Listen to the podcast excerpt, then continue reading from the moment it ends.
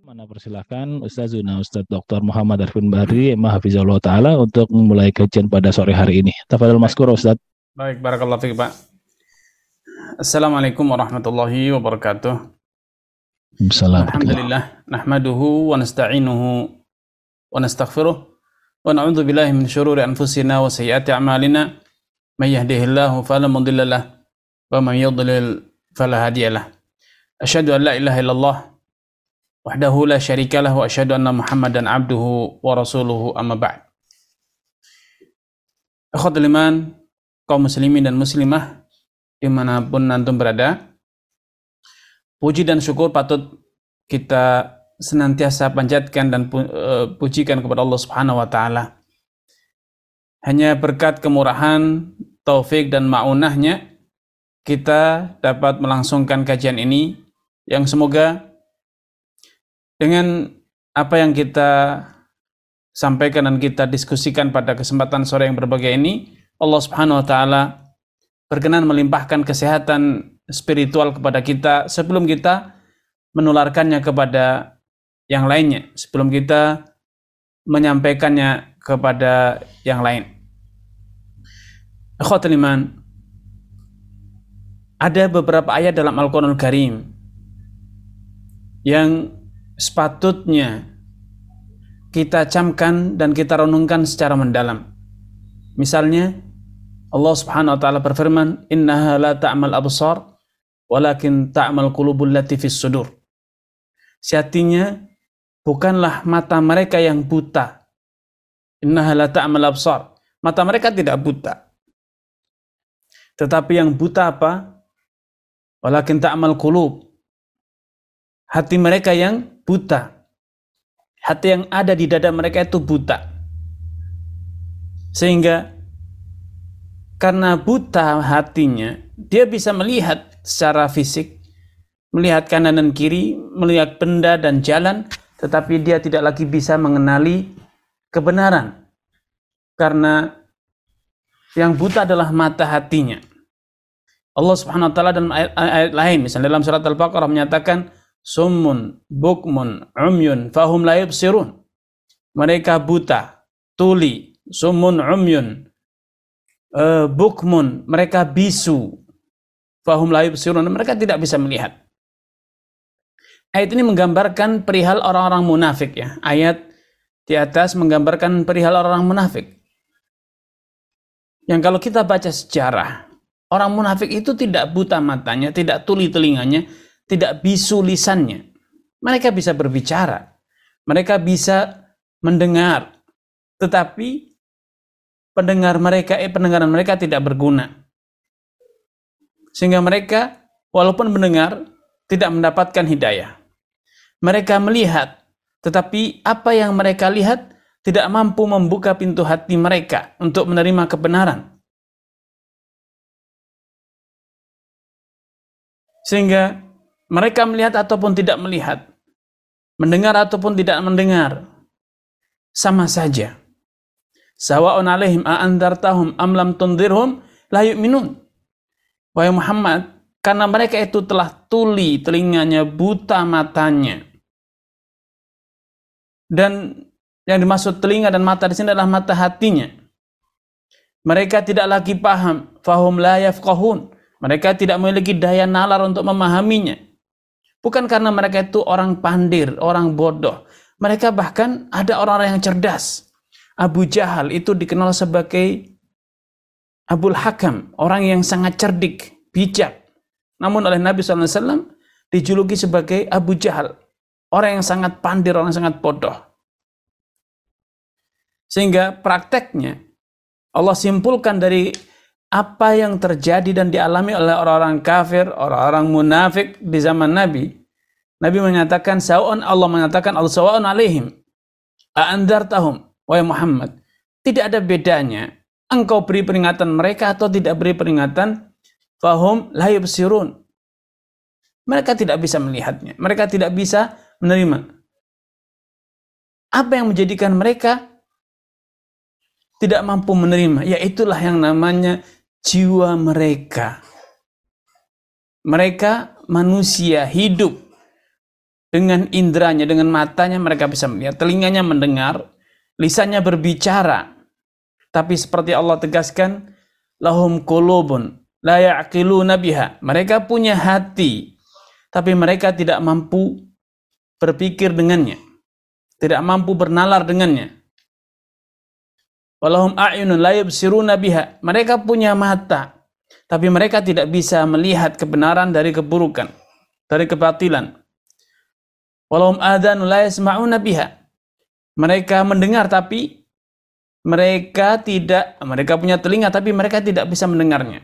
Bukan karena tuli, tetapi pendengaran mereka tidak mengantarkan mereka menerima yang benar. Tidak mengantarkan mereka mengenali yang benar. Justru yang sebaliknya, yang terjadi sebaliknya mereka mendengar justru malah menentang. Karena mereka melihat justru mereka mendustakan. Dalam ayat lain justru Allah lebih gambarkan lebih buruk. Inhum illa kal anami balhum adol. Mereka itu bagaikan hewan ternak. Mereka hidup di dunia ini namun ya wujud mereka manusia tetapi jati diri, jati diri mereka adalah hewan ternak. Apa yang mereka lakukan? Ya'kuluna wa yatamatta'un. Yatamatta'un wa ya'kulun. Mereka itu bersenang-senang. Obsesi mereka itu hanya mengejar kesenangan, makan dan minum. Kama ta'kulul an'amu wan naru lahum. Bagikan hewan ternak yang hewan ternak itu juga makan, menyalurkan nafsunya, syahwatnya. Tapi mereka tidak lagi membedakan antara yang halal dengan yang haram, yang baik dengan yang buruk. Standar hidup mereka hanya satu, enak, standar mereka hanya satu, sesuai dengan seleranya, sesuai dengan nafsunya.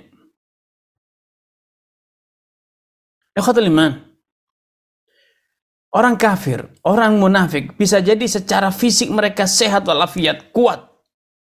Mereka tidak mengalami cacat, mereka tidak mengalami uh, kelainan fisik, fisik mereka prima.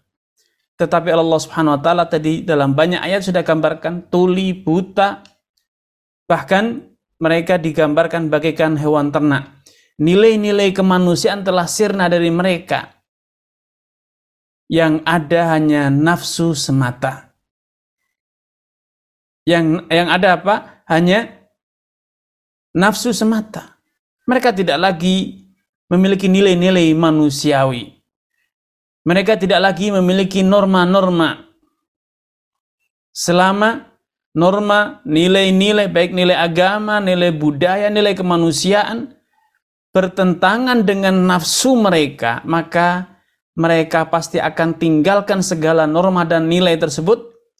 Demi apa? Demi memperturutkan, melampiaskan nafsunya. Apa yang kita lihat dan yang kita dengar hari ini, yang kita baca hari ini menggambarkan apa yang Allah gambarkan dalam ayat-ayat di atas. Mereka bukannya buta atau tuli, tapi mereka tidak lagi memiliki nilai-nilai dalam hidup selain hawa nafsunya. Apalah arti hidup saat itu ketika mereka telah kehilangan semua nilai, nilai-nilai kemanusiaan, mereka telah kehilangan nilai-nilai atau norma-norma agama yang ada adalah binatang buas. Apa pun yang ada di depannya, selama dia lapar, selama dia berselera, dia akan terkam. Seorang muslim, seorang mukmin tentu tidak demikian. Seorang muslim sadar bahwa dirinya hidup di dunia ini terdiri dari dua unsur, raga dan jiwa. Seorang yang beriman tidak hanya berpikir bagaimana raganya sehat, raganya aman, tetapi dia juga bahkan dia lebih memprioritaskan kesehatan dan keamanan jiwanya. Betapa banyak orang yang tinggal di dalam rumahnya. Rumahnya Masya Allah megah, penuh dengan sistem keamanan, ada CCTV, ada security, ada gerbang, ada gembok yang mengunci pintu rumahnya. Dia pun membeli pintu, eh, kunci rumah yang sangat bagus, tidak mudah dijebol oleh maling. Walau demikian, dalam dirinya dipenuhi dengan rasa takut, was-was.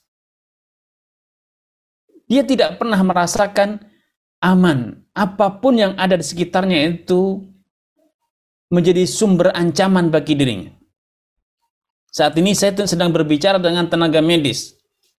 Betapa banyak dari kita yang ketika melihat nasi disuguhkan di hadapannya, yang terbayang di akal dia adalah ini memiliki kandungan ini dan itu, ini ditanam dengan pestisida, di, dikelola dengan menggunakan pestisida, pupuk kimia, sehingga ini mengandung unsur ini dan unsur itu, sehingga apa yang disuguhkan pada dia pun menimbulkan rasa takut. Bukan berarti saya sedang mengajak makan apa saja tanpa pilih tidak. Karena Allah telah mengajarkan kulu mimma fil ardi halalan tayyibah. Makanlah apa yang ada di muka bumi ini selama makanan itu halal dan tayyib dan bagus. Kita selektif. Tetapi tatkala kewaspadaan dan selektivitas itu kelewat batas sehingga menjadikan kita senantiasa dihantui hidup dalam ketakutan. Maka apa enaknya hidup saat itu? Tidak ada yang nyaman. Kalaupun kita punya harta kekayaan, kita pun dihantui dengan rasa takut. Bagaimana kalau uang ini nanti habis? Bagaimana kalau nanti saya tua? uang ini tidak cukup, bagaimana kalau ini dicuri, bagaimana ditipu, bagaimana kalau kemudian saya di PHK dan seterusnya. Hidupnya dalam ketakutan. Tidak ada ujungnya. Orang yang beriman, Allah gambarkan dalam Al-Quran, Alladzina amanu walam yalbisu imanahum bidhulmin ulaika lahumul amnu wa hum muhtadun.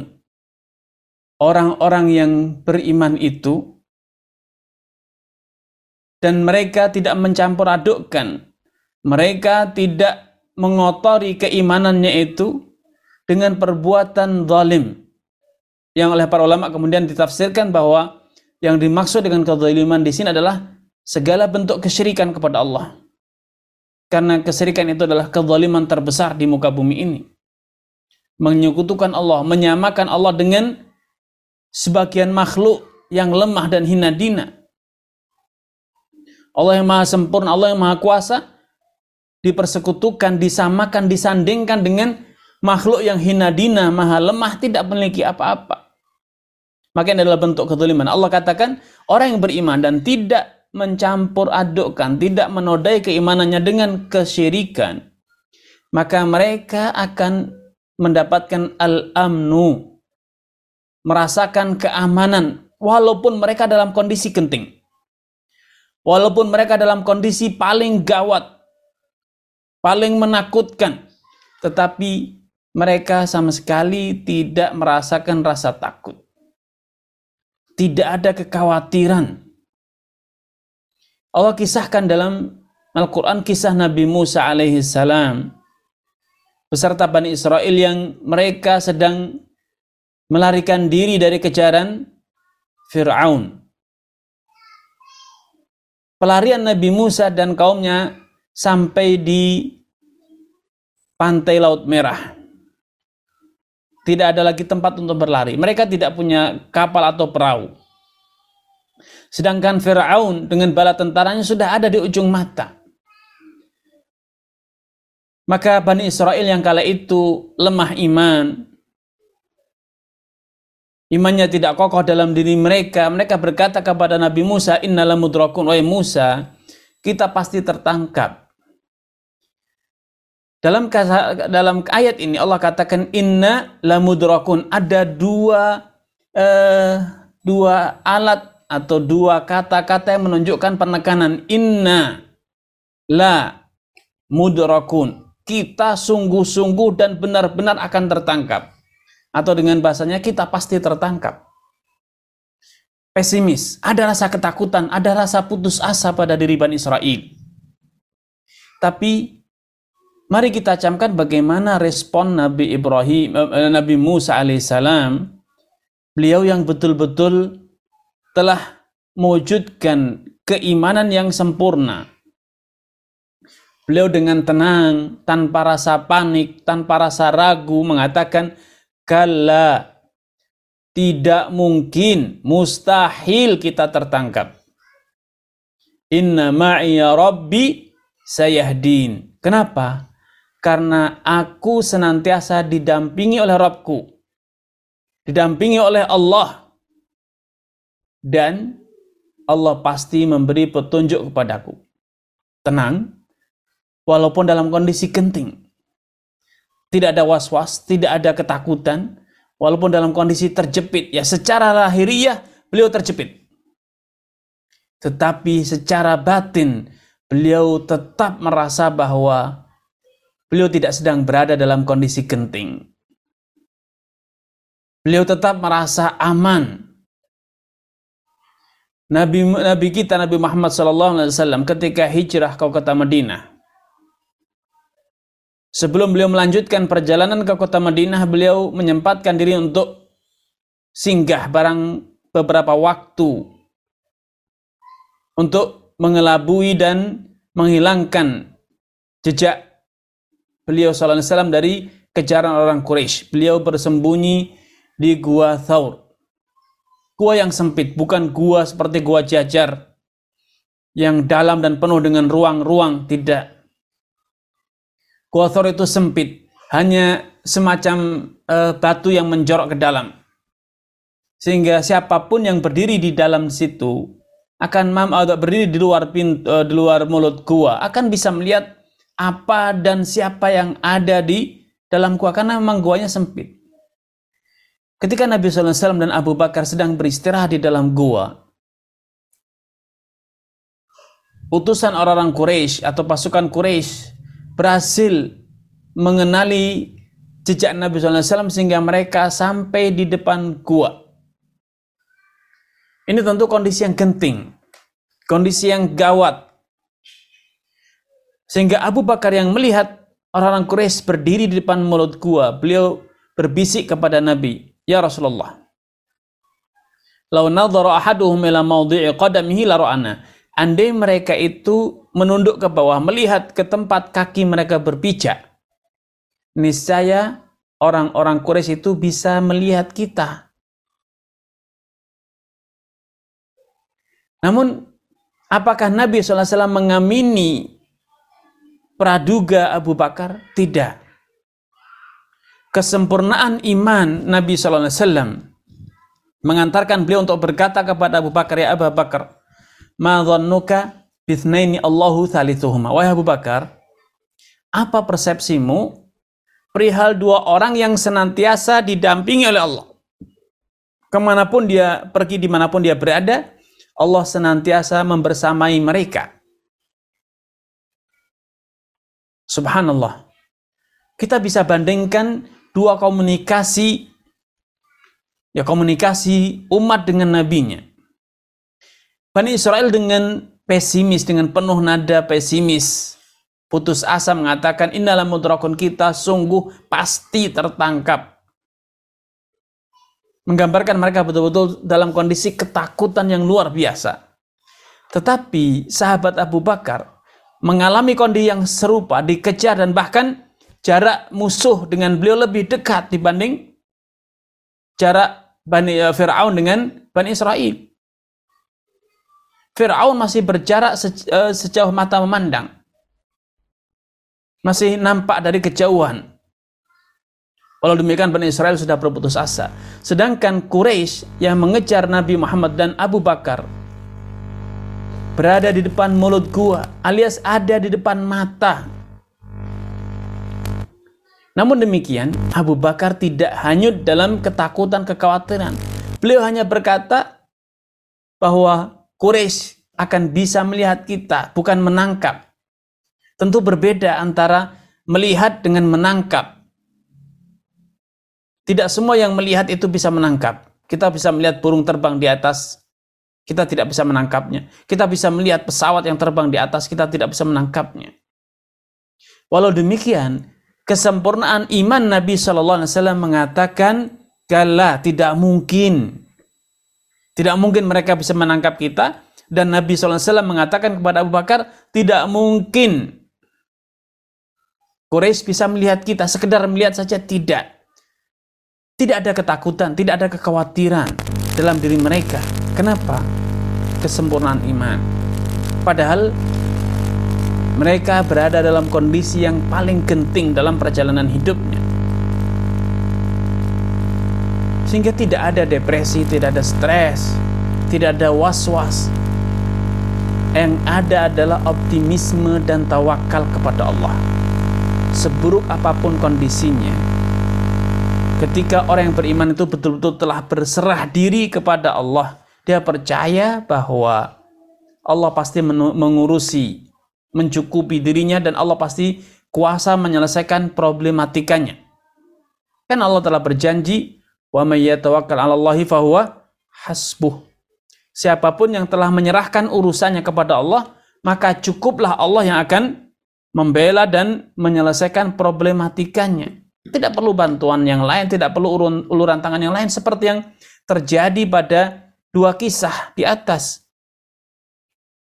Ketika Nabi Musa membangkitkan semangat orang-orang eh, Bani Israel.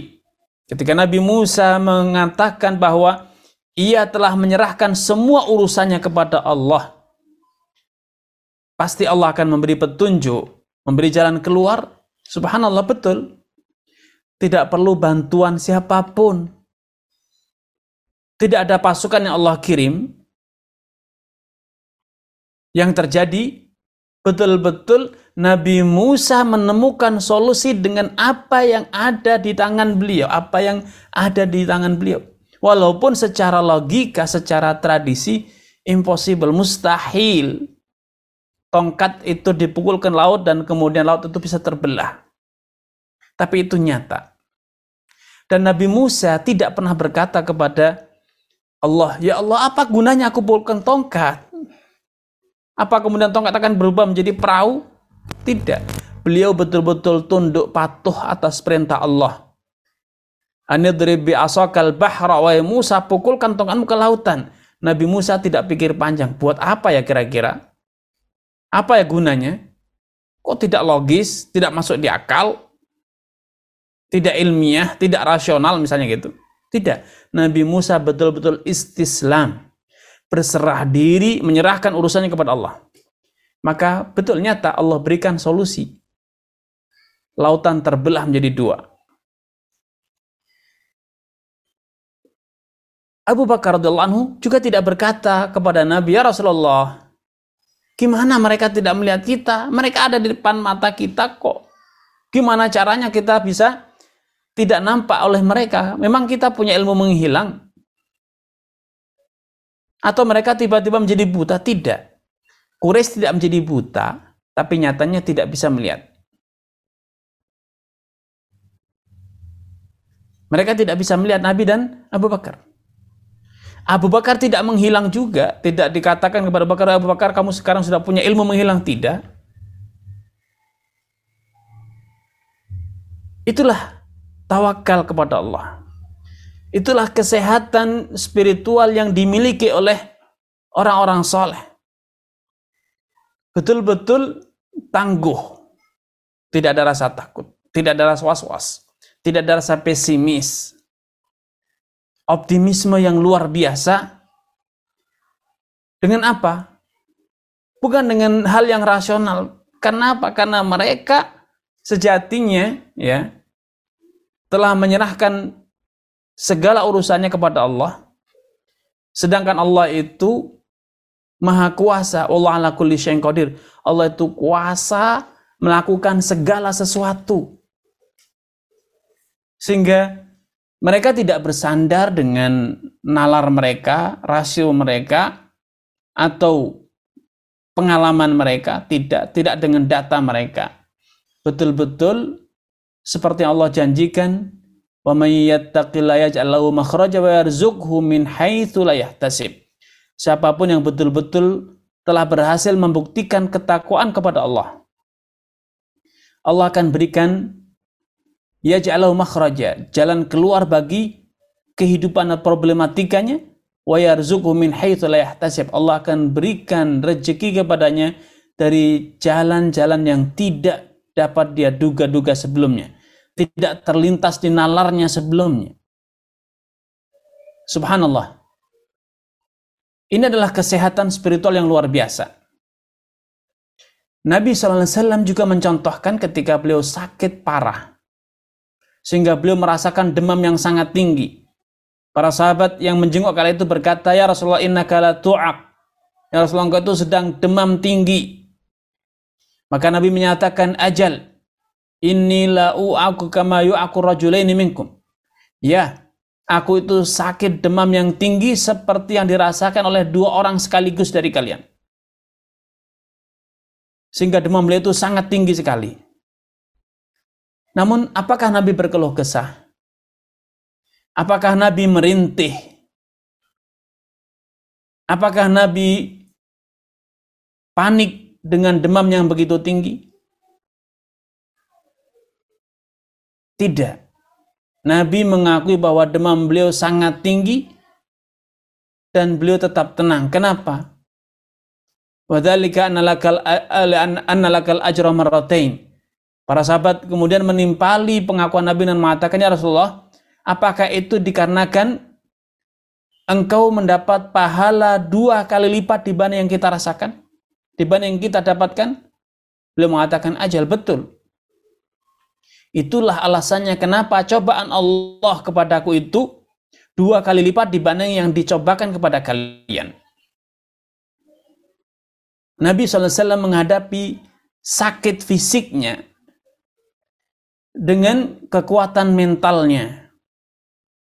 Karena beliau telah menegaskan inna idhamal bala ma'a inna idhamal jazai ma'idhamil bala. Sejatinya pahala yang berlimpah, pahala yang besar itu hanya didapat dengan apa? Dengan cobaan yang besar pula. Sehingga beliau fokus pada sisi op, uh, sisi positifnya penyakit bahwa penyakit yang beliau derita itu mendatangkan pahala dua kali lipat dibanding yang didapat oleh manusia biasa. Maka beliau pun menerima legowo lapang dada ketika menyadari bahwa panas yang beliau rasakan dua kali lipat dibanding yang dirasakan oleh manusia biasa. Beliau tidak berkeluh kesah. Walau fisiknya sakit. Tetapi beliau tetap istiqamah dengan keimanannya, tegar menghadapi cobaannya. Ayub alaihissalam, contoh lain. Nabi Ayub sakit parah, bukan hanya sebulan dua bulan, berpuluh-puluh tahun beliau sakit. Musibah bertubi-tubi menimpa beliau. Dari hartanya yang habis. Anak istrinya yang meninggal dunia sehingga beliau hidup sebatang kara dan sekujur tubuhnya sakit, mengalami sakit parah telah berpuluh-puluh tahun. Sampai diriwayatkan bahwa hanya tersisa lisan beliau yang tidak sakit. Tatkala hanya lisan beliau yang masih sehat. Beliau mulai khawatir kalau-kalau beliau tidak lagi bisa berzikir kepada Allah karena tangannya, kakinya beliau sudah lumpuh. Dipenuhi dengan penyakit. Beliau khawatir bukan karena khawatir mati, tetapi khawatir tidak bisa lagi berzikir kepada Allah subhanahu wa ta'ala. Maka beliau pun mengucapkan doa, bukan berkeluh kesah. Beliau mengatakan, Rabbi masaniyadurru wa anta arhamur rahimin. Subhanallah doa yang sangat santun, doa yang sangat lembut, menggambarkan kekuatan spiritual dalam diri Nabi Ayub. Beliau mengatakan, Rabbi massaniyadurru wa anta arhamur rahimin. Wahai Rabbku, aku ditimpa kesusahan. Beliau tidak mengeluh, aku sakit parah, sudah berlarut-larut sekian puluh tahun. Simpel sekali beliau mengatakan, Ya Allah, aku ditimpa kesusahan. Sedangkan engkau itu maha pengasih. Maha penyayang. Beliau tidak mengatakan, Ya Allah, sembuhkanlah tanganku, kakiku, kepalaku, perutku. Tidak. Beliau serahkan bahwa engkau maha pengasih, Ya Allah. Yang artinya apa? Kalau kasih sayangmu itu mengharuskan aku men terus menjalani cobaan sakit ini, beliau menerima. Beliau akan tetap menerima. Tapi ketika kasih sayang Allah mengharuskan beliau sehat, maka beliau siap untuk menerima kesehatan itu, mendapatkan kesehatan. Beliau kaitkan sehat dan sakit diri beliau dengan apa? Dengan kasih sayang Allah.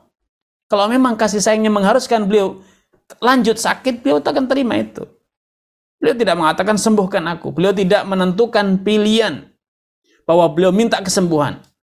Beliau pasrahkan semua urusannya kepada kasih sayang Allah. Berikanlah aku yang terbaik ya Allah. Berilah yang terbaik. Wujudkanlah kasih sayangmu padaku. Subhanallah. Kekuatan spiritual yang luar biasa. Kenapa? Karena keimanan para nabi percaya bahwa pilihan Allah itu adalah yang terbaik. Itu yang menjadikan mereka senantiasa optimis, senantiasa dapat mengendalikan eh, pemikiran mereka, pikiran mereka, mengendalikan jiwa mereka, tidak hanya dalam keluh kesah, tidak hanya dalam e, rintihan, mereka melihat penyakit, melihat cobaan, melihat berbagai derita yang mereka jalani atau alami dari sisi dari sudut yang positif bahwa ini adalah pilihan Allah dan Allah lah yang maha penyayang apa pun pilihan Allah maka itu adalah wujud nyata dari kasih sayang Allah. Mereka tidak melihat bahwa sakit itu, penyakit itu adalah bentuk dari teguran, bentuk dari azab, siksa, atau balasan tidak. Kesempurnaan iman mereka, kesempurnaan ketaatan mereka, karena mereka sadar mereka tidak berbuat maksiat. Mereka sadar bahwa mereka senantiasa menjalani ketaatan kepada Allah. Pasti mereka tahu bahwa ini adalah tambahan karunia. Bukan siksaan, bukan adab. Tapi penyakit yang menimpa mereka itu adalah tambahan karunia dari Allah. Sehingga Nabi Muhammad SAW mengatakan bahwa beliau demam dua kali lipat yang dirasakan oleh manusia biasa karena beliau akan mendapatkan pahala dua kali lipat yang dibanding yang dirasakan oleh manusia biasa. Nabi Ayub ketika minta kesehatan, beliau mengaitkan menghubungkan antara sakit dan kesembuhan beliau itu dengan apa? Dengan kerahmatan Allah. Beliau tidak mengatakan, Ya Allah, engkau maha penyembuh, engkau maha pengampun. Tidak. Beliau mengatakan, Wa anta arhamur rahimin Engkau adalah zat yang maha penyayang, pengasih. Sehingga walaupun beliau sakit parah, beliau merasa bahwa penyakit beliau itu adalah wujud dari kasih sayang Allah Subhanahu wa taala. Itu adalah luar biasa kesempurnaan iman. Ini bukan hal yang mudah. Ya, yang menjadikan mereka merasa bahwa apa pun yang menimpa mereka itu membawa kebaikan dan bahkan itu adalah wujud dari kasih sayang Allah kepada mereka. Sehingga mereka terbebas dari berbagai penyakit eh, psikologis. Tidak ada depresi, tidak ada ketakutan, tidak ada was-was. Yang ada dalam diri mereka adalah tomak ninatul kulub. Mereka hidup damai, tentram jiwa mereka, tentram dengan mengingat Allah. Walaupun mereka sakit, walaupun mereka dalam kondisi genting, jiwa mereka tetap damai. Kenapa? Karena jiwa mereka senantiasa dimakmurkan dengan zikir kepada Allah. Eh, ala bidzikrillahi tatmainnul qulub. Bukankah dengan senantiasa mengingat Allah jiwa kita itu akan senantiasa damai, jiwa kita akan senantiasa tenang, tomak ninah, tidak bergejolak, tidak bergemuruh karena problematika yang dihadapi. Ya, itu semuanya adalah samaratul iman. Itu semua adalah buah dari kesempurnaan iman kita. Namun ketika eh, kita, jiwa kita itu dijangkiti oleh kesyirikan, dijangkiti oleh kemunafikan, kita telah menggantungkan harapan kepada sanan Allah. Kita telah membuka pintu hati kita untuk takut kepada selain Allah atau mencintai selain Allah. Maka saat itu dalam diri kita akan dipenuhi dengan was-was, dengan rasa ketakutan kepada selain Allah Subhanahu wa taala.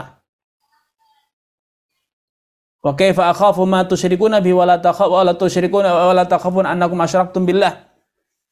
Mana mungkin aku akan takut, khawatir dengan segala yang kalian sekutukan.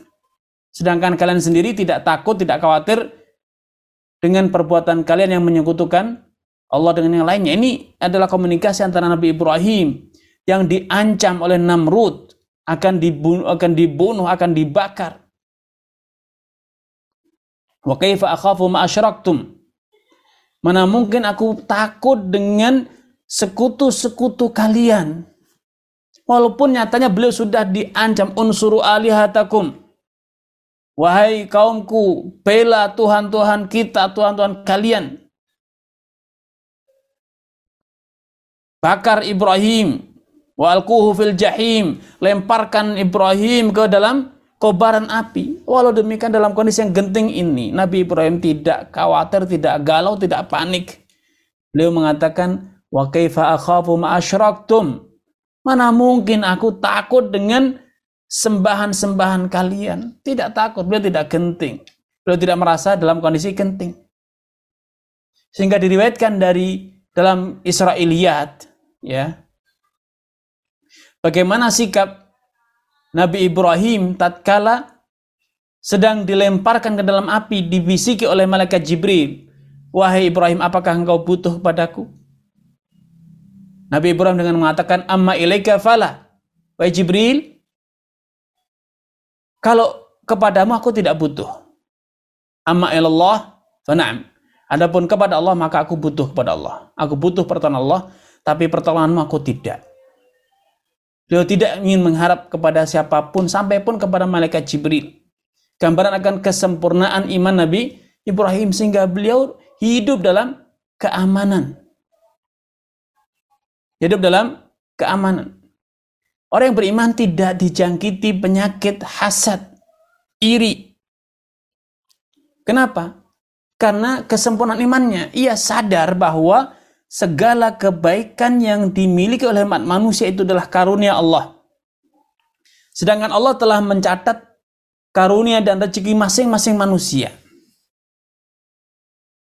Dan yang kedua, ia senantiasa sadar bahwa kasih sayang Allah tidak diukur dengan materi, tidak diukur dengan dunia, tetapi diukur seberapa banyak ibadah yang bisa dikerjakan. Seberapa dekat dirinya dengan Allah Subhanahu wa taala. Ia tidak perlu iri dengan apa yang didapat oleh kawannya, saudaranya. Imam Ghazali rahimahullah menggambarkan bahwa hasad dan iri hasad dan iri yang terjadi pada manusia itu terjadi disebabkan karena hal-hal yang ada di muka bumi. Karena perbedaan ladang yang luas akhirnya saling iri, rumah yang megah menjadikan iri dan hasad, jabatan, harta yang melimpah. Tapi kata beliau tidak ada orang yang iri dengan kenikmatan Allah yang ada di langit. Tidak ada yang hasad. Tidak ada orang yang cemburu. Kenapa engkau melihat matahari? Kenapa engkau menjemur pakaianmu dengan terik matahari? Itu adalah wilayahku, itu ranahku, itu matahariku. Ketika melihat rembulan yang indah di malam purnama, tidak ada yang hasad. Kenapa kamu ikut melihat rembulanku yang indah itu milikku? Pelangi yang indah di langit, semua orang melihat tanpa ada yang iri dan hasad dengan yang di langit. Kenapa? Karena kita semua sadar bahwa kita semua bisa mendapat apa yang didapat oleh mereka tanpa harus berebut. Keindahan matahari tidak menjadi pudar gara-gara dilihat oleh jutaan orang. Semua orang bisa merasakan keindahan matahari terbit, matahari terbenam.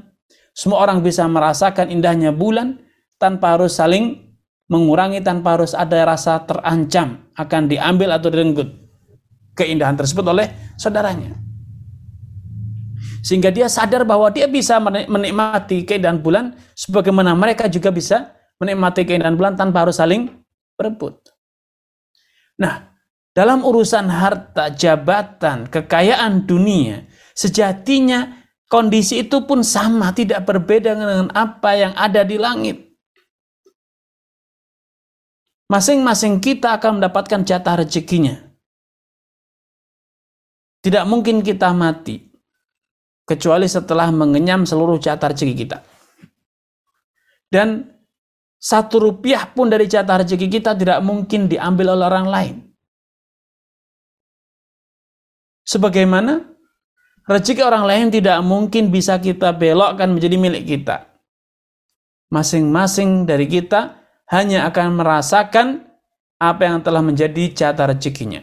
Dan Allah telah berjanji kepada hambanya, memerintahkan kita semua untuk meminta rezeki kepada Allah. Tidak perlu cemburu iri dengan apa yang Allah berikan kepada sebagian manusia. La tamuddanna ainaika ila ma mata'nahum bihi azwaj ma mata'na bi azwajan minhum zahratal hayatid dunya linaftinahum fih. Wa rizqu rabbika khairun wa abqa.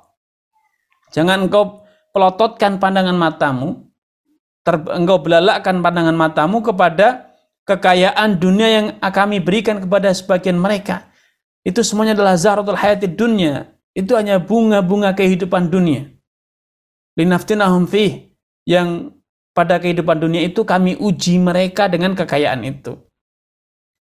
Dan Allah ingatkan, warizku rabbika, rezeki Rabbmu itu lebih baik dibanding apa yang mereka miliki. Sehingga kalau kita terobsesi memiliki ingin mendapatkan seperti yang didapatkan oleh saudara kita atau oleh orang lain dikarenakan indah, banyak, mewah dan lain sebagainya. Percayalah di sisi Allah Allah Subhanahu wa taala memiliki harta yang serupa dan bahkan lebih.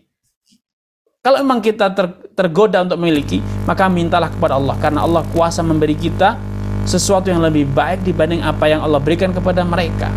Tidak perlu ada hasad, tidak perlu ada iri. Iri itu muncul karena adanya suudon bahwa rezeki Allah sudah habis stoknya.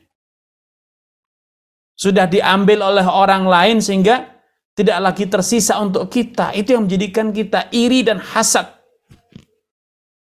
Sumbernya apa? Sumbernya adalah lunturnya iman.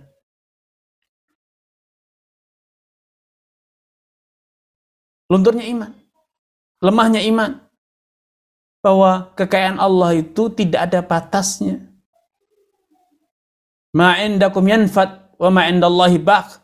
Sebanyak apa pun yang kalian miliki itu suatu saat akan habis dan sirna. Tetapi apa yang ada di sisi Allah tidak pernah sirna namun akan kekal abadi. Rasulullah SAW telah menggambarkan tentang kekayaan Allah. Lau anna awalakum wa akhirakum wa insakum wa jinnakum. Andai manusia pertama sampai yang terakhir, jin dan manusia semuanya. Kaum ala sa'idin wahid, berkumpul di satu tempat.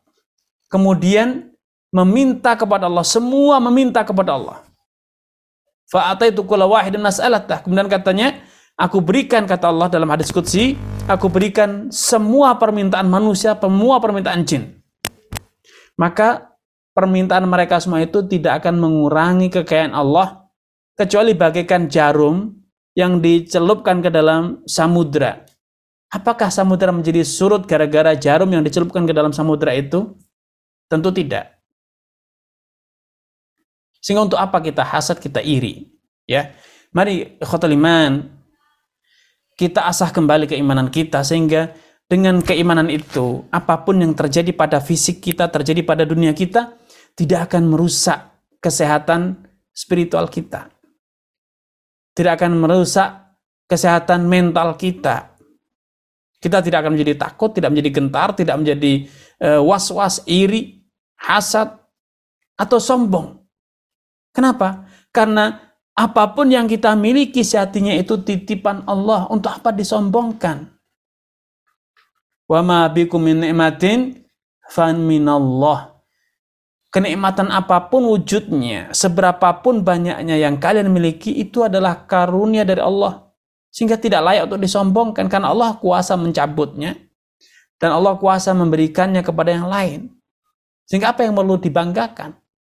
Bukan karena kehebatan kita itu betul-betul murni karena kemurahan Allah sehingga ada tawadhu. Rendah hati walaupun kaya raya, rendah hati walaupun sukses, rendah hati walaupun berkuasa. Ya, inilah eh, satu-satunya cara agar jiwa kita, diri kita bisa terbebas dari berbagai noda dan penyakit. Yaitu dengan apa? Dengan menyempurnakan, mengasah keimanan kita. Makanya dalam banyak eh, dalil, Rasulullah menggambarkan, La imana liman la amanatalah. Tidak dikatakan beriman orang yang tidak amanat dalam menunaikan kepercayaan atau titipan ataupun amanah yang dipikulkan kepadanya. Apa alasan orang itu mengkhianati amanat? Curang, ingkar janji. Ya karena dia mengira, dia menduga bahwa dengan khianat itu dia bisa menambah rezekinya. Dia bisa memiliki sesuatu yang bukan miliknya. Bukan menjadi jatahnya. Itu menjadikan dia khianat. Bahwa dengan khianat dia kira bisa kaya raya. Padahal tidaklah demikian. Tidak ada yang sampai kepada kita, tidak ada yang bisa kita dapat kecuali memang sesuatu yang telah menjadi suratan takdir kita. Untuk apa kita menempuh cara-cara yang bertentangan dengan aturan syariat? Inna ruhal kudus nafatha fi Malaikat Jibril menyampaikan wahyu kepadaku anna halan tamuta nafsun bahwa tidak akan ada satu jiwa yang mati sampai dia mengenyam seluruh jatah rezekinya. Khudul halala wa da'ul haram. Ambillah cara-cara yang halal, tempuhlah cara-cara yang halal dalam mencari rezeki dan jauhilah, tinggalkanlah yang haram.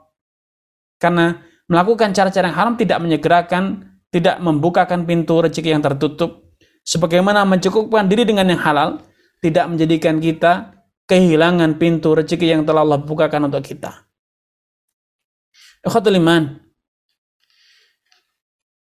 Di dalam dunia medis modern pun antum lebih tahu dalam hal ini ya bahwa korelasinya sangat kuat antara kesehatan spiritual, optimisme pasien atau orang yang menderita penyakit korelasinya sangat kuat dengan apa? Dengan kesehatan dan keberhasilan pengobatan yang dijalani. Ketika pasien itu memiliki nilai-nilai spiritual yang kuat, memiliki keimanan yang kuat, dampak pengobatan yang diberikan kepada mereka pun begitu cepat. Tapi ketika kondisi pasien dalam kondisi psikologi yang buruk, pesimis, putus asa, maka sering kali pengobatan itu sia-sia. Karenanya, sebagai seorang mukmin, sebagai seorang tenaga medis muslim yang beriman, bukan hanya mampu meracikkan ramuan obat, tetapi obat fisik ya, tetapi juga mampu menghembuskan spirit, mampu membangkitkan dan mengobarkan nilai-nilai keimanan. Yang dengan nilai-nilai keimanan itu akan menjadikan kondisi pasien kita, termasuk diri kita sendiri, akan eh, menjadi berkobar dan pengobatan itu akan semakin efektif. Dan saya akan akhiri paparan saya dengan satu hadis dari Nabi SAW yang ini menjadi bekal bagi antum sekalian tenaga medis. Rasulullah bersabda, Idza ra'ahadukum mubtala atau man ra'a minkum mubtalan, siapa pun dari kalian yang melihat, menyaksikan, mendapatkan orang yang sedang dalam kondisi menanggung atau merasakan cobaan. melihat orang yang sedang dicoba oleh Allah Subhanahu wa taala. Kemudian dia mengatakan Alhamdulillahilladzi afani mimma ibtalaka bihi wa faddalani ala katsir man khalaqa tafdila. Segala puji bagi Allah yang telah membebaskanku, melindungiku dari apa yang menimpa dirimu. Wa faddalani dan Allah memberiku kelebihan yang sangat banyak dibanding ala katsir man khalaqa dibanding banyak hamba Allah. Allah berikan kemurahan kelebihan kepadaku yang sangat banyak dibanding kebanyakan hamba-hamba Allah. Maka kata Nabi, orang yang melihat orang lain yang sedang dalam kondisi mengalami cobaan, kemudian dia mengatakan doa tadi. Ya, semoga segala puji bagi Alhamdulillahilladzi afani mimma bihi. Segala puji bagi Allah yang telah membebaskanku dari musibah yang menimpamu wa faddalani dan Allah memberikan kelebihan kepadaku dibanding banyak makhluk dan hambanya maka dia tidak akan ditimpa oleh musibah yang menimpa orang tersebut. Sampai dia mati. Sampai ajalnya dia tidak akan merasakan musibah yang ditimpa orang tersebut.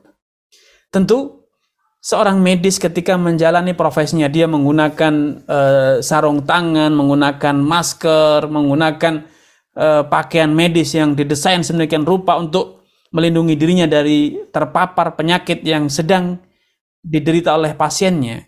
Itu adalah upaya-upaya dalam rangka membentengi dirinya agar tidak terjangkiti tertulari penyakit. Tapi sehebat apa pun alat yang kita gunakan, rasa takut, rasa was-was, itu akan melekat pada diri tenaga medis kalau tidak diiringi dengan keimanan kepada Allah. Karenanya, eh, saya menyarankan kepada antum sekalian untuk menghafal dan merenungi doa yang diajarkan Nabi di atas untuk membangkitkan spiritual yang luar biasa pada diri kita sebelum kita mengobarkan menularkannya kepada pasien kita. Bahwa kita yang menangani orang sakit betul-betul sedang bersandar kepada Allah. Kesehatan yang kita dapat, yang kita rasakan itu karunia Allah Subhanahu wa taala.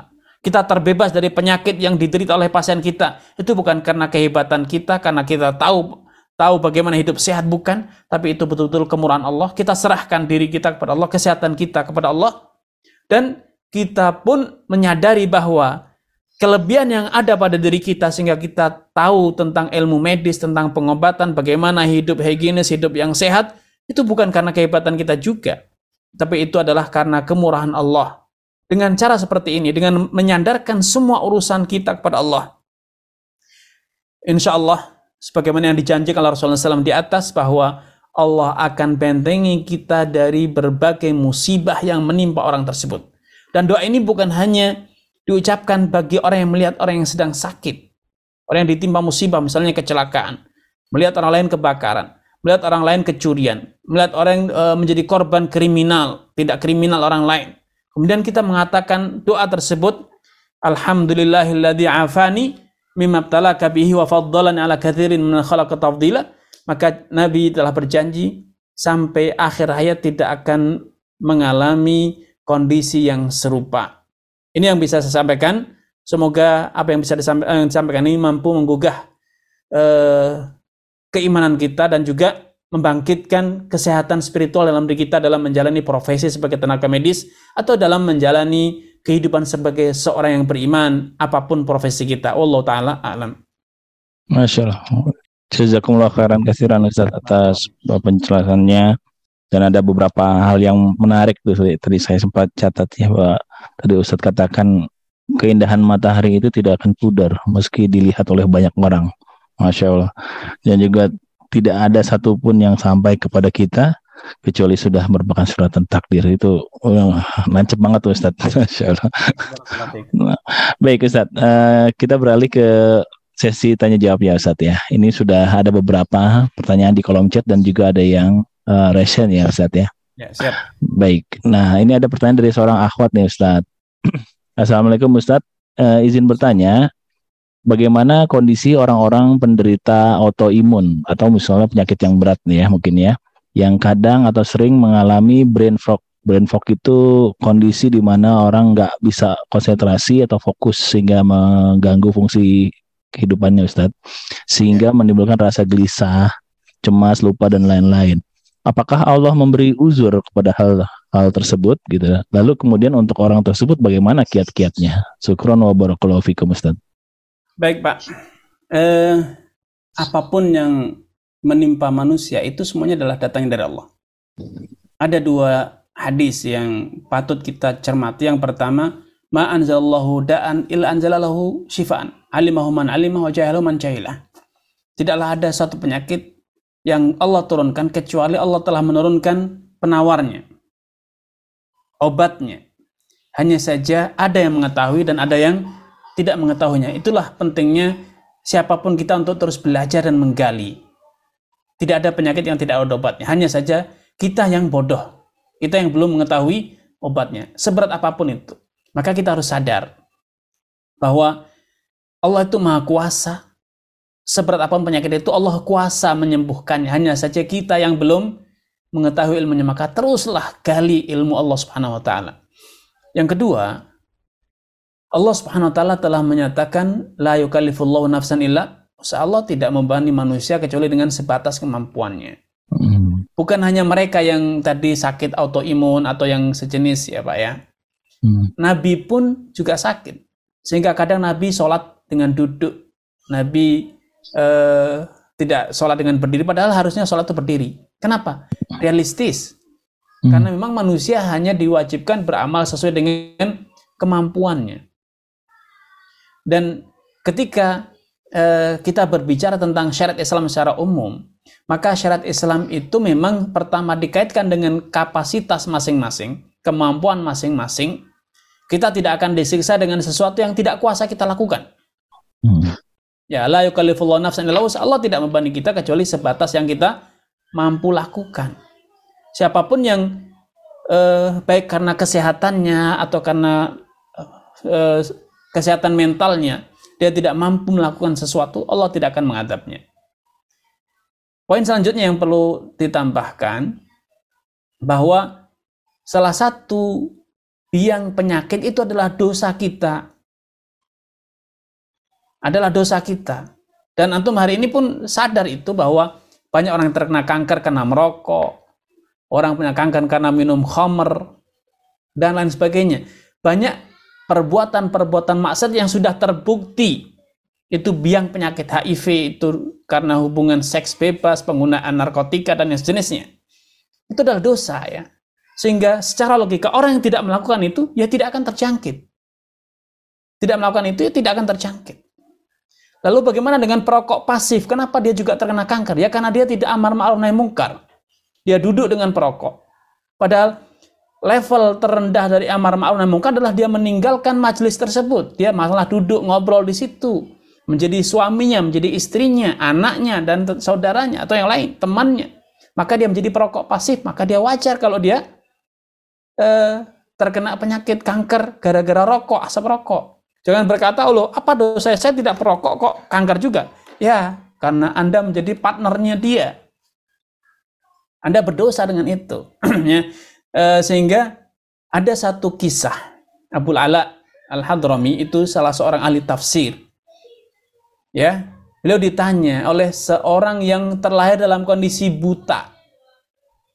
Ketika dia menyampaikan poin ini, ditanya oleh buta, wahai Abu Ala, aku ini terlahir dalam kondisi buta, apa dosaku sehingga Allah uji aku dengan mata yang buta seperti ini?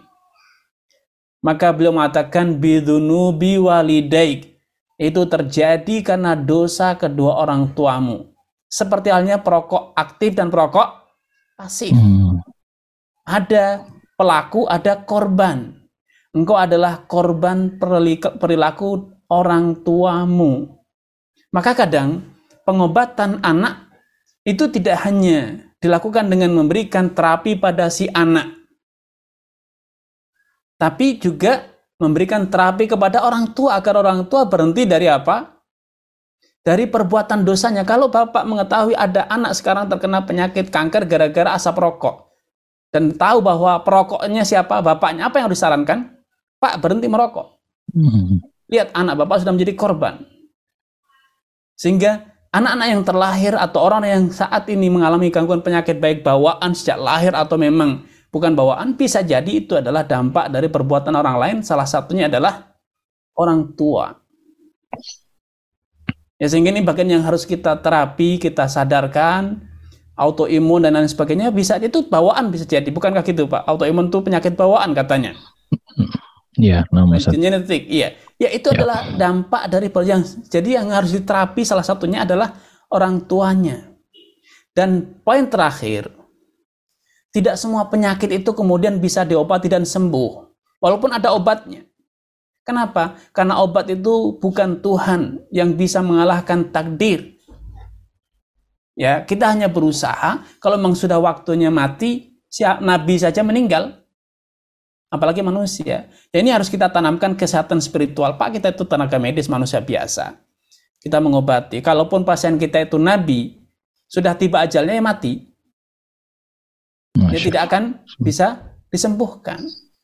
Maka kalaupun harus mati, matilah dalam kondisi beriman, dalam kondisi imannya teguh, eh, teguh apa tegar gitu, eh. ya sehingga dia bisa husnul khatimah. Ini yang juga harus kita tanamkan bahwa tenaga medis bukan hanya menjaga kesehatan eh, fisik dan mental pasien di dunia, tapi juga bagaimana mengantarkan pasien kita untuk sehat fisik dan mentalnya di akhirat kelak. Wallahu ta'ala. Masya Allah, barakallahu Ustaz. Dan eh, tadi karena sempat menyinggung masalah HIV dan dosa nih Ustaz nih. Ada pertanyaan yang berhubungan nih Mas. Asa Ana melanjutkan saja dari seorang ahwat Ustaz. Izin bertanya bagaimana dengan pasien saya yang misalnya menderita HIV akibat perbuatan LGBT? Apakah penyakit ini suatu teguran ataukah rahmat Ustaz? Mohon petunjuk bagaimana membedakan bahwa suatu penyakit tersebut rahmat atau teguran dari Allah. Jazakallah khair. Baik, Pak. Eh, sederhana, kita bercermin, kalau emang Anda adalah pelaku dosa, maka itu teguran bisa jadi adab. Tapi kalau Anda adalah ahli ibadah, orang yang bertakwa ber- beriman, seperti Nabi Ayub. Nabi Ayub sakit parah berpuluh-puluh tahun, lumpuh, bahkan sekujur tubuhnya dijangkiti penyakit. Apakah itu adab? Bukan. Itu adalah wujud dari kasih sayang Allah SWT. Makanya Nabi, doa Nabi Ayub pun mengatakan wa anta arhamur rahimin. Engkau zat yang maha penyayang, sayangilah aku. Beliau tidak mengatakan ya Allah sudah cukup cobaanmu sudah terlalu lama cobaan tidak. Beliau mengungkapkan dengan kasih sayang ya. Dan Nabi ketika sakit demam Nabi tidak mengatakan ini adalah cobaan Allah, tidak. Beliau langsung mengaitkannya dengan pahala yang berlipat ganda. Sehingga kita harus tahu diri, kalau kita memang eh, hamba yang banyak bergelimang dalam dosa, ya potensi dua-duanya, bisa rahmat, bisa adab, bisa teguran. Maka kalau kita tidak bisa memastikan, ya sudah perbanyak istighfar, segera bertaubat dari dosa-dosa yang kita lakukan, mohon ampunan kepada Allah Subhanahu wa taala. Selain kita melakukan eh, langkah-langkah dan upaya-upaya medis yang profesional ya. Allah taala. Masya Allah. Syukran Ustaz. Anda beralih ke eh, yang resen Abu Zaki, silakan eh, singkat dan eh, padat ya, silakan. Eh, di unmute. Baik, terima kasih Ustaz atas waktunya. Ya. Eh, langsung saja Ustaz ya. Alhamdulillah kita udah kenal dakwah salaf. Namun kadang kita ini punya pikiran atau bayangan eh, ketika Allah memberikan musibah kepada kita berupa penyakit, Ya. itu kadang kita sudah berusaha semaksimal mungkin, sudah berdoa, namun eh, penyakit itu nggak sembuh-sembuh. Nah, ketika dalam kondisi lengah, kita ini kadang berburuk sangka kepada Allah. Allah ini nggak adil ini. Apakah hal ini bisa mengurangi tauhid kita kepada Allah, Ustaz? Ya. Demikian, mohon penjelasan. Ya, suudzon kepada Allah itu dosa besar, Pak. Ketika kita sampai pada level berpikiran, apalagi sampai menjadi ucapan, Allah tidak adil. Saya yang lebih baik dibanding si fulan. Si fulan sehat walafiat. Saya yang malah sakit. Saya malah diuji. Tidak adil ini. Inilah pertama suudzon kepada Allah. Yang kedua ini adalah salah persepsi. kalaupun Anda adalah Nabi Muhammad SAW, orang yang paling beriman, ternyata Nabi Muhammad itu ujiannya lebih besar, lebih berat dibanding ujian yang ditimpakan kepada manusia biasa. A'adhamun nasi bala'an al-amthal fal-amthal. Orang yang paling besar cobaannya itu adalah orang yang paling mulia di sisi Allah. Sehingga kalau kita merasa kita orang baik, justru orang baik itu diuji. Namun sadarilah ujian itu berupa kenikmatan, berupa kesusahan. Kita dapat jabatan, dapat harta yang melimpah, karir yang bagus, harta yang banyak. Jangan dikira itu bukan cobaan. Itu adalah cobaan. Ketika kita mengaku itu nikmat, bukan cobaan, sering kali kita terjatuh dalam perbuatan dosa. Foya-foya, lupa bersyukur, lupa eh, apa namanya untuk menyantuni saudara-saudara kita, kita anggap inilah kesuksesan kita. Padahal itulah cobaan. Wa wal khairi fitnah. Kami itu menimpakan ujian kepada kalian dengan berupa kejelekan ataupun kebaikan. Semua itu adalah cobaan cobaan bagi kalian ya. Jadi jangan menganggap bahwa yang sedang sakit itu dicoba, yang sehat walafiat tidak dicoba. Bukan, dua-duanya sedang dicoba, Pak. Hmm. Yang terakhir yang ingin saya tekankan dari merespon jawaban ini, bahwa Ketika kita merasa Allah tidak sayang kepada kita, sehingga kita mendapatkan cobaan yang berat, jangan dikira bahwa cobaan orang sakit itu lebih berat dibanding cobaan orang sehat, Pak. Nikmatani maghbunun fihi makathir min as-sehat wal farag. Dua uh, dua kenikmatan yang terlalaikan oleh kebanyakan orang. Apa itu kesehatan dan waktu? Sehingga orang yang sakit itu justru lebih dekat kepada Allah karena dia lebih sering beristighfar, dia sering kali lebih sadar bahwa dia sedang diuji oleh Allah Subhanahu wa taala. Berbeda dengan orang yang dalam kondisi sehat walafiat, harta melimpah, memiliki waktu yang luang. Sehingga mereka lebih dekat pada dosa, lebih dekat kepada murka Allah dibanding orang yang sedang sakit atau orang yang sedang dalam kesusahan. Makanya doa orang yang kesusahan itu lebih potensi dikabulkan dibanding orang yang sedang dalam kondisi lapang. Amma yujibul mutarra idza da'ah wa yakshifus su wa yaj'alakum khalafal ard ailahum Allah kata Allah. Adakah yang kuasa mengabulkan doanya orang yang mutor dalam kondisi terjepit? Wa yakshifus su dan menyingkap kesusahan. Wa yaj'alakum dan menjadikan kalian khalafal ard, pemimpin di muka bumi ini? Ailahun ma Allah adakah ilah selain Allah di muka bumi ini tentu tidak ada Pak ya. Wallahu taala alam. Masya Allah, jazakallah khair Ustaz. Berikutnya beralih ke Syekh Muhawan, silakan uh, bertanya secara langsung. Assalamualaikum warahmatullahi wabarakatuh Ustaz. Assalamualaikum warahmatullahi wabarakatuh. Barakallahu fiik. barok. Pertanyaannya adalah bagaimana memahami membangun kesehatan spiritual dengan sikap tawakal dengan menempuh sebab yang benar atau syar'i. Ya. Yang sekaligus juga harus mengimani atas takdir yang telah ditetapkan kepada kita, Ustaz. Syukran, Ustaz. Baik, Pak.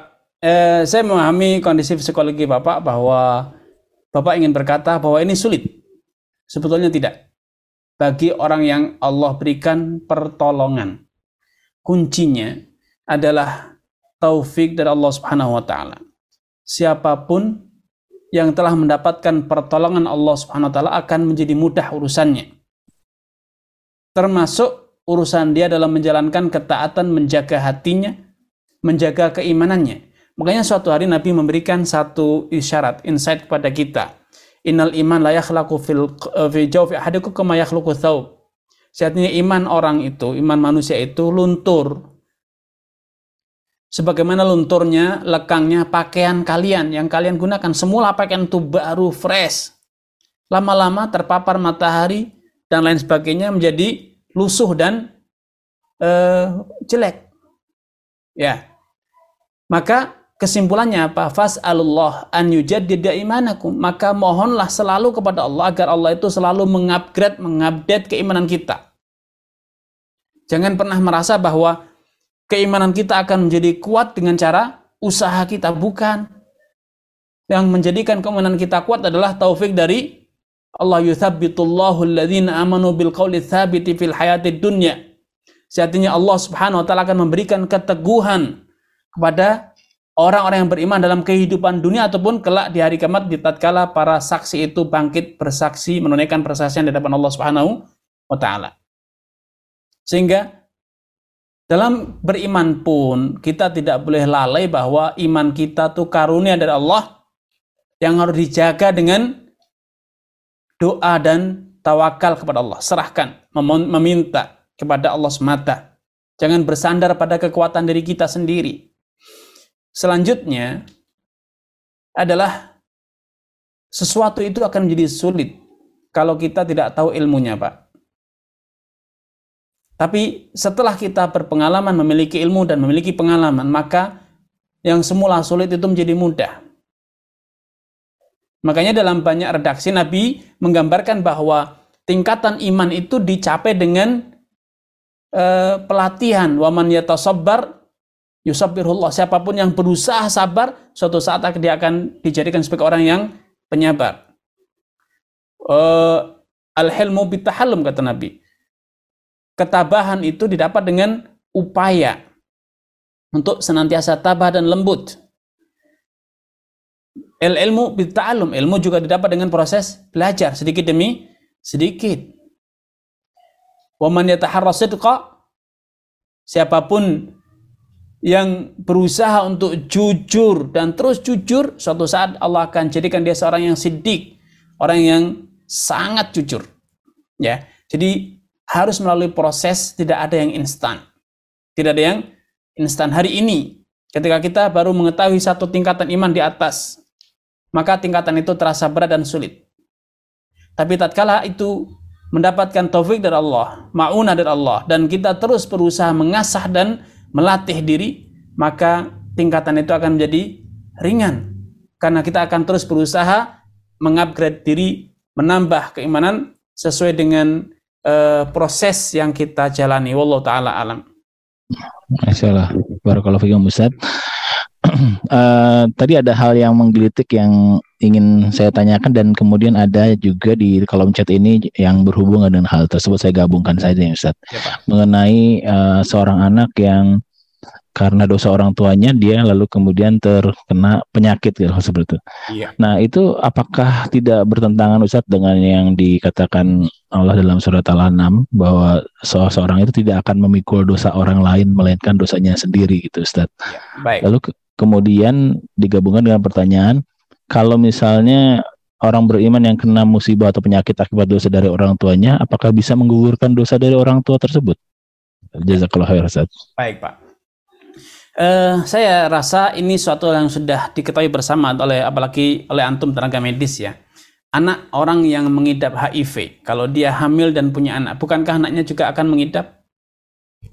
Apakah anak yang mengidap HIV turunan itu karena anaknya berdosa? Tidak. Anak itu tidak memikul dosa orang tua, tapi anak itu menjadi korban orang tuanya. Bedakan antara pelaku dengan korban korban pembunuhan itu tidak berdosa, Pak. Yang berdosa siapa? Pembunuhnya. Hmm. Anak kita yang menanggung dosa kita atau tidak bukan agar tidak salah paham, terdampak oleh dosa kita sehingga mereka sakit, sehingga mereka susah, mereka tidak sedang berdosa, Pak. Itu adalah bagian dari hukuman Allah kepada orang tuanya. Sehingga pasti orang tuanya ikut merasakan susahnya punya anak yang sakit. Menderita punya anak yang sakit. Dan itu adalah bagian dari hukuman Allah kepada orang yang berbuat dosa. Sebagaimana keberkahan amal soleh orang tua akan dirasakan dampaknya oleh anaknya. Bukan berarti anaknya dapat pahala, bukan. Tapi dampak baik itu juga akan dirasakan oleh anaknya. Ketika urusan bapaknya lancar, rezekinya lancar, anaknya juga akan ikut merasakan uh, lancarnya rezeki orang tua karena kesolehannya. Ya, bukan berarti anaknya dapat pahala. Bedakan antara dapat pahala dan dapat dosa. Tapi dampak dari kesolehan, dampak dari dosa itu bisa dirasakan bukan hanya oleh pelakunya, tapi oleh banyak orang. Bukankah Allah telah berfirman, "Dhaharal fasadu fil barri wal bahri bima kasabat aydin nas." Su- Sungguh telah nampak berbagai kekacauan, kerusakan fil barri wal bahr di daratan dan di lautan. Bima kasabat aydin nas. Semua itu terjadi gara-gara dosa dan ulah tangan manusia. Kenapa itu terjadi? Ujung-ujungnya kembali kepada pelaku liyudhiqahum amilu agar mereka para pelaku dosa itu pelaku kerusakan itu merasakan sebagian dampak dari ulah mereka sendiri. Sehingga anak yang terdampak oleh perbuatan orang tua itu pasti akan menyusahkan orang tuanya. Orang tuanya pun menderita, dia bersedih, takut dengan nasib anaknya. Itu adalah bagian dari hukuman Allah kepada mereka. Walaupun anaknya menderita, ya, betul. Sehingga derita itu bukan berarti dosa. Allah tidak akan menyiksa anak hanya gara-gara dia berstatus sebagai anaknya pelaku dosa. Tapi di dunia anak itu menderita betul gara-gara dosa orang tuanya seperti halnya alam ini rusak oleh tangan manusia agar manusia merasakan apa? sebagian dampak dari perbuatan mereka sendiri. Wallahu taala alam. Lalu apakah eh, apa namanya penyakit yang diderita anaknya itu bisa menggugurkan dosa orang tuanya, Zat? Pertanyaan berikut. Eh, Allah Subhanahu wa taala dalam masalah menggugurkan atau tidak itu kembali kepada apakah pelaku dosa itu sadar dengan dosanya sehingga dia menyesali Hmm. sehingga dia memohon ampunan. Kalau dia menyesali dan kemudian memohon ampunan, maka Allah akan terima dosanya eh, tobat tersebut dan Allah akan ampuni.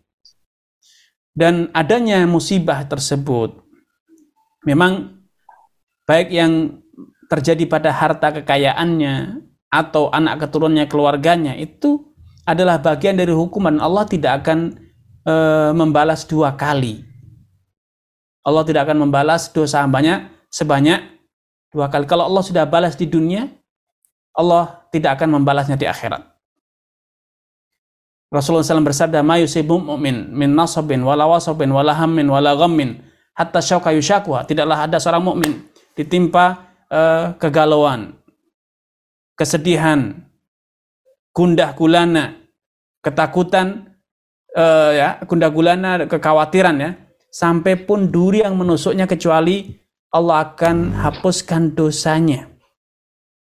Ya, semua semua itu akan berdampak pada terhapuskan dosanya ya. Tapi bukan berarti anak memikul dosa orang Hmm, tua. tuanya. Ya. Ya. Masya Allah. Barakallahu Ustaz. Pak, mohon maaf nih saya di sini sudah mau maghrib nih di Jember. Oh iya nama Ustaz. Oh, saya- oh, ya mungkin bisa satu pertanyaan lagi atau gimana Ustaz? Boleh Pak, boleh terakhir. Boleh ya. Eh, ini ada yang resen silakan umur Aisyah. Um, Assalamualaikum warahmatullahi wabarakatuh, Ustadz. Waalaikumsalam Eh, apa, warahmatullahi eh, wabarakatuh. langsung aja, Ustadz. Oh, Ustadz, eh, ini masih kaitan dengan barusan, Ustadz. Ya. Eh, atas dampak dari eh, misalnya kesalahan orang tua terhadap anak atau korban kita itu. Itu bagaimana, Ustadz? Sekarang kita udah tahu nih, Ustadz, misalnya sebagai anak nih, Ustadz, eh, menanggapi biar kita tidak eh, apa ya, nggak bersangka pandangan kita tuh terhadap orang tua tuh jelek dengan atas dampak tersebut, Ustadz. Baik, Bagaimana- pandangan kita itu, Ustadz? baik Pak. Ah. Bu, ya, barakallahu fiik. Ya, eh, manusia terdampar ke dunia ini adalah bagian dari dampak dosa orang tua kita itu Adam.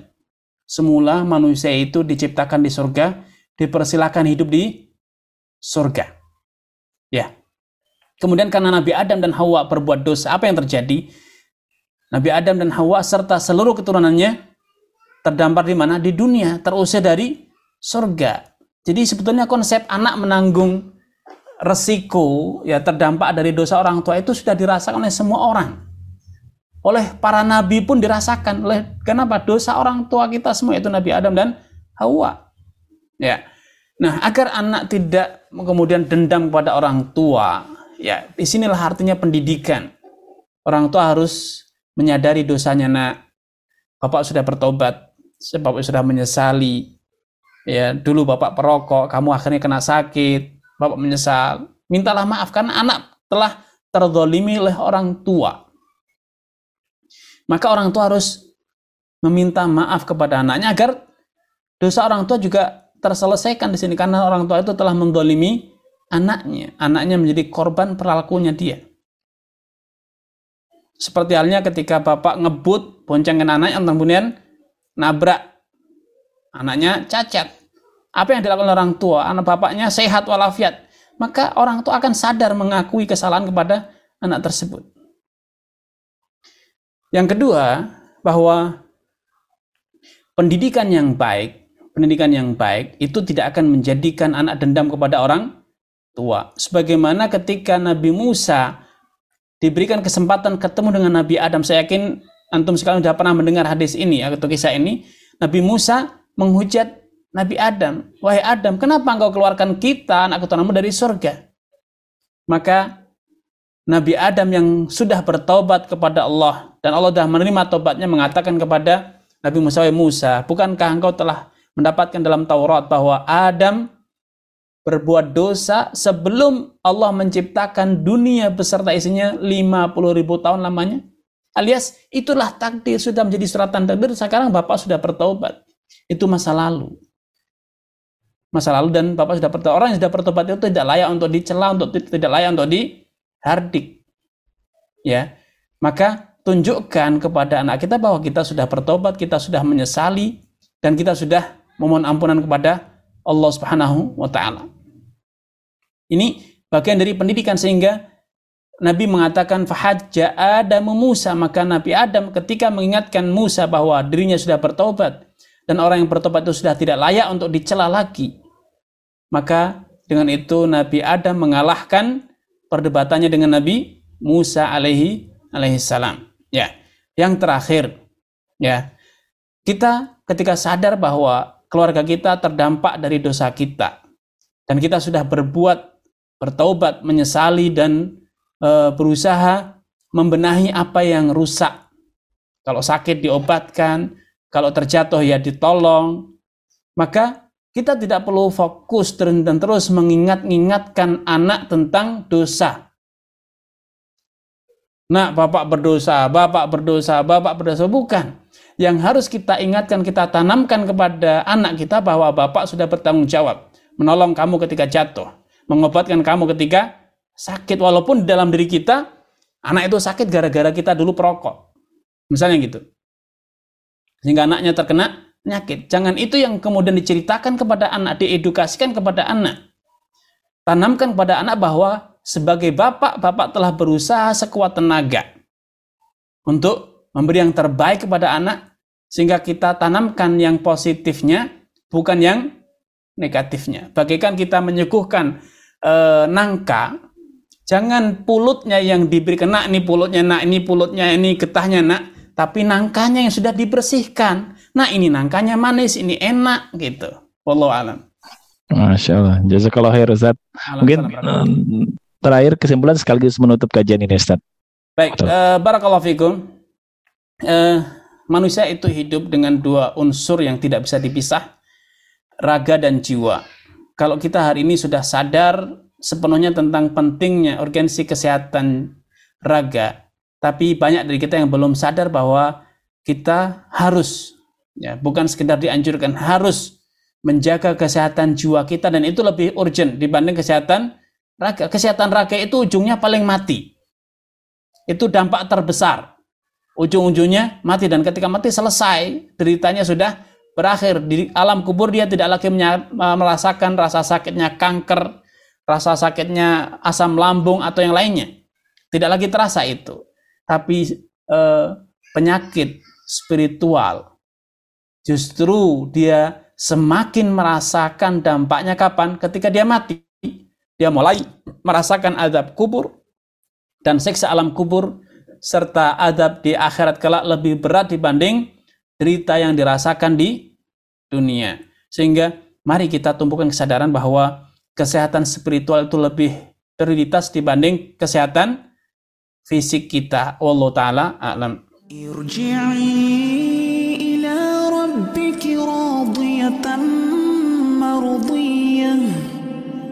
فادخلي في عبادي.